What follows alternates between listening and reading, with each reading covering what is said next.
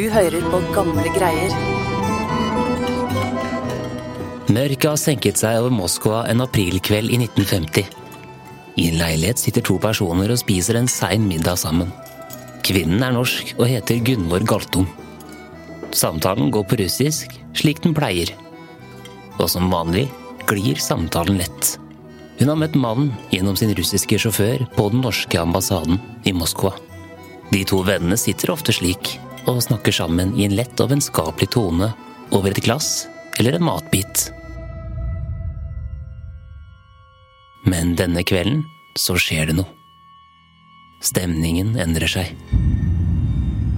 Ansiktsuttrykket til mannen blir hardt, og han skyver et dokument over til kvinnens side av bordet. Når hun begynner å lese, skjønner hun hva som er i ferd med å skje. Mannen har lurt henne trill rundt, og nå har han henne i fella.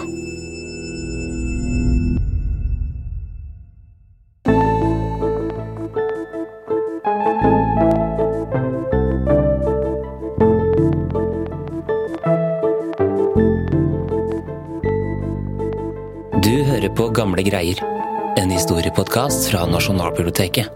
Dette er andre episode i miniserien om Gunvor Galtung Håvik, Norges storspion som lurte alle i nesten 30 år. Jeg heter Lars Hammeren Risberg.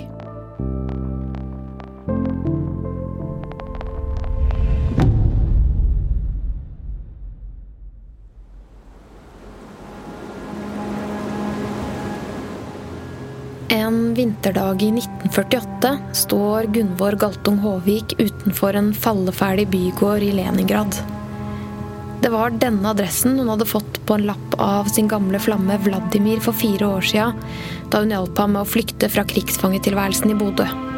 Til daglig jobber Gunvor ved den norske ambassaden i Moskva, men hun har funnet en unnskyldning for å reise til Leningrad. Og nå venter hun spent utenfor døren uvitende om Vladimir er i live eller ikke. Live Fehler Nilsen, historiker og journalist på Nasjonalbiblioteket. Da døra går opp, så får hun svaret.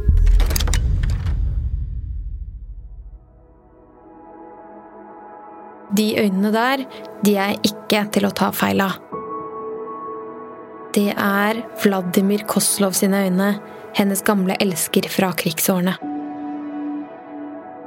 Men det blir fort tydelig at ting ikke er helt som før. Det Vladimir kan fortelle, er at han ikke hadde regna med at han noen gang kom til å få se Gunvor igjen, og at han nå er gift og har barn med en annen kvinne. Men Vladimir avviser henne likevel ikke der hun står. Han vil gjerne ta opp igjen kontakten. Men likevel, det var jo en veldig nedtur.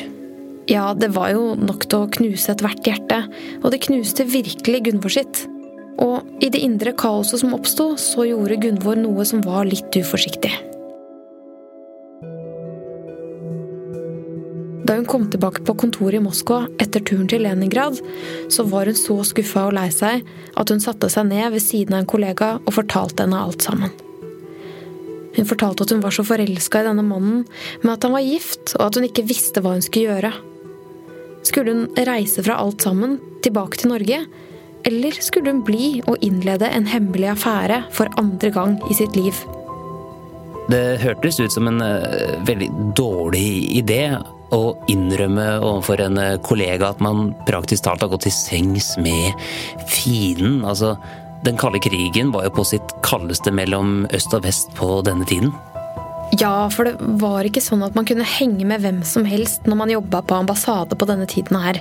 Særlig ikke når man hadde tilgang på graderte opplysninger, sånn som Gunvor hadde. For dette skjedde i de skjulte mikrofoners tid. Det var rett og slett et overvåkningssamfunn, og de som jobba på vestlige ambassader, de var spesielt utsatte. Men Gunvor hun bestemte seg for å innlede et forhold til Vladimir. Og like etter så begynte det å gå rykter på ambassaden om at frøken Håvik hadde en russisk elsker. Og det var det da noen kolleger som bekymra seg for, og de sendte et varsel til sjefene i Oslo. Og da gjorde norske myndigheter en av sine første feil i denne saken. De valgte nemlig å ignorere varselet. Det ble lagt i en skuff og ikke tatt tak i. Det var jo flaks for Gunvor. Ja, i etterpåklokskapens lys så er det jo ganske vanvittig. Men etter hvert så var det andre og farligere krefter som begynte å ane ugler i mosen. På ambassaden var det nemlig én som la merke til at den norske sekretæren oppførte seg litt mystisk. Og det var den russiske ambassadesjåføren. Han skjønte at Gunvor brevvekslet med noen utenom jobben, og en dag så tilbød han seg å ta med brevet for henne på en av kjøreturene sine. Gunvor fortalte at det skulle til Leningrad, og han sa at det var ikke noe problem. Han skulle en tur dit uansett. Og idet hun overleverte det brevet, så hadde hun egentlig forseglet sin egen skjebne. For det hun ikke visste, det var at sjåføren var en KGB-agent.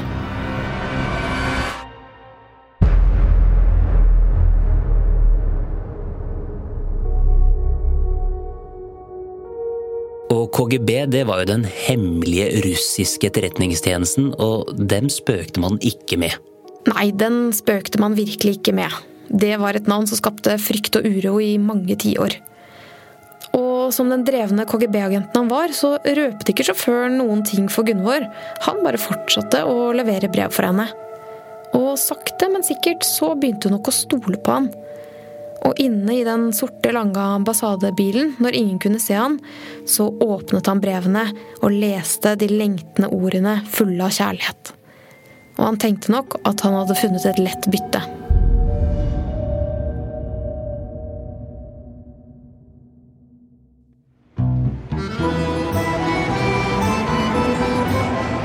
En dag inviterer sjåføren Gunvor med på teater. Og hun takker ja. Og i den staselige foajeen så møter sjåføren tilfeldigvis en gammel venn som introduserer seg som Valentin. Tonen er hjertelig og varm, og de to mennene sørger for at glassene aldri er tomme gjennom forestillingen.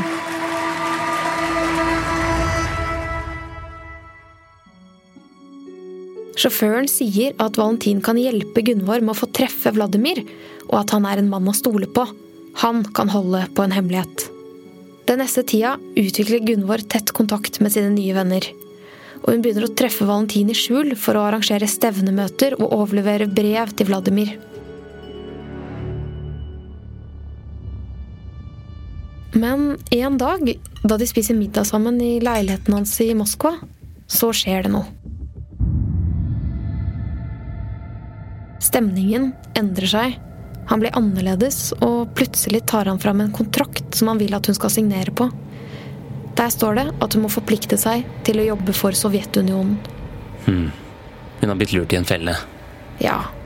Gunvor Galtung Håvik hadde jo gitt KGB det aller beste pressmiddelet de kunne få, nemlig ulovlig kjærlighet.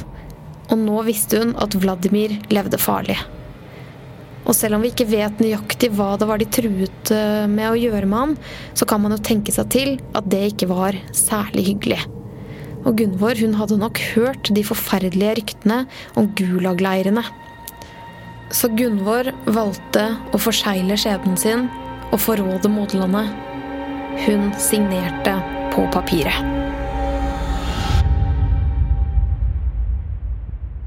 Gunvor var blitt KGB-agent. Ja.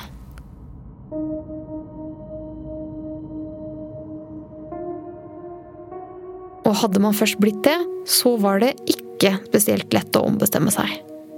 Vladimir og Gunvor kom inn i KGB-systemet under kodenavnene Viking og Vika.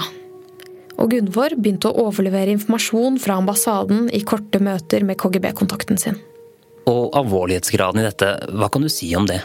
Det har det vært ganske mye diskusjoner om i ettertid. Noen mener at hun hadde tilgang til viktig informasjon, mens andre stiller spørsmål om det hun lekket i denne perioden her egentlig var ganske ubetydelig. Men for henne så må det jo ha vært en enorm belastning, for det var jo ingen tvil om at det hun gjorde, det var galt. Ja, og kanskje lurte hun litt på om det var verdt det alt sammen, ettersom årene gikk. For hvert hemmelig stevnemøte og lidenskapelig omfavnelse så døde kjærligheten litt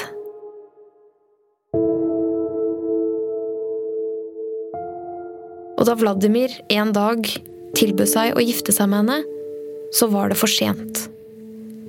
KGB hadde drept kjærligheten som en gang hadde brent så sterkt i henne, og Gunvor slår opp.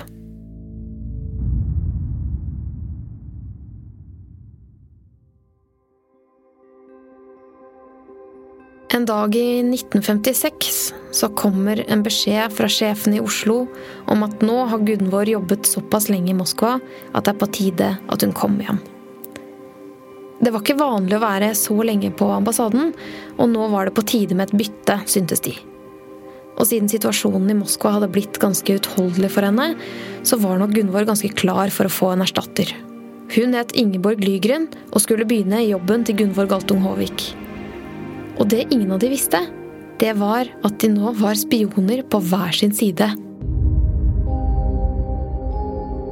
Gunvor var KGB-spion, mens den nye på kontoret, Ingeborg Lygren, var spion for CIA. Og ingen av de visste at livene deres kom til å være knytta sammen på en merkelig måte som ingen kunne gjette seg til der og da. Gunvor bare lærte opp Ingeborg på vanlig måte, fra en sekretær til en annen, liksom, og gjorde seg klar til å reise hjem til Norge igjen. Men øh, hva med Vladimir, da? Fikk hun tatt farvel? Ja, det må jo ha vært et siste møte, og vi kan dessverre ikke vite noe om hvordan det var. De hadde jo vært gjennom utrolig mye sammen, men Gunvor var åpenbart villig til å ofre det som eventuelt var igjen av kjærlighet mellom dem, for ganske snart så satt hun med kofferten på fanget og var på vei tilbake til Oslo.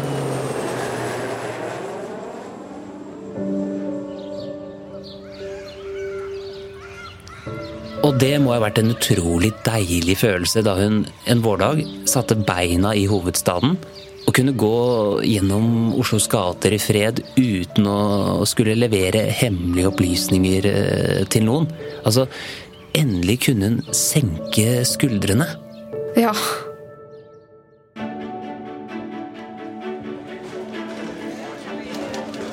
Gunvor begynte å jobbe på Victoria terrasse i Oslo som sekretær for lederen av arve- og rettskontoret til UD.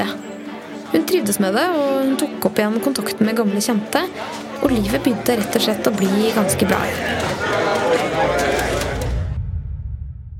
Men så lett slipper man ikke unna KGB. Nei.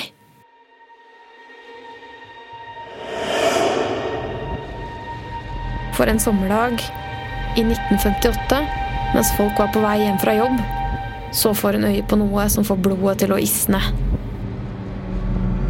Nemlig en mystisk mann som følger henne med blikket.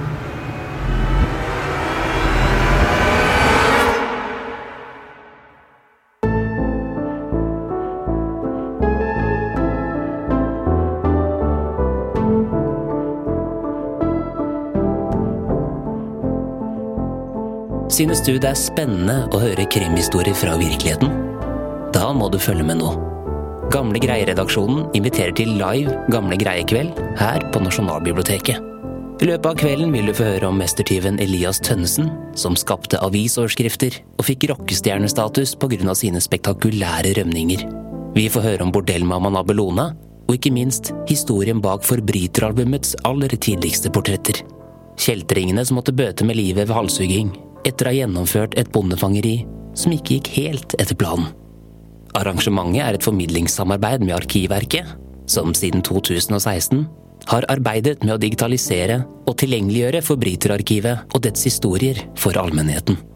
Mange av forbryterportrettene kan dessuten ses i utstillingen Labyrint på sporet av Harry Hole. Vi setter opp omvisninger i utstillingen både før og etter arrangementet. Mer informasjon om arrangementet og hvordan du kan melde deg på, finner du på nb.no. Du har hørt en episode av Gamle greier. Episoden er laget av Live Fele Nilsen, Ragna Nordenborg og meg, Lars Hamren Risberg. Kilder til episoden var boken Iskyss av Alf R. Jacobsen. Arbeiderbevegelsens arkiv og bibliotek, Nasjonalbibliotekets avis- og lydarkiv, Store norske leksikon og boken Norske spioner av Harald Skjønsberg. Du har hørt musikk fra Epidemic Sound, og du har hørt musikk fra Therese Aune. Du finner mer av Thereses musikk på thereseaune.com, eller der du strømmer musikk til vanlig. Mitt navn er Lars Hammeren Risberg. På gjenhør.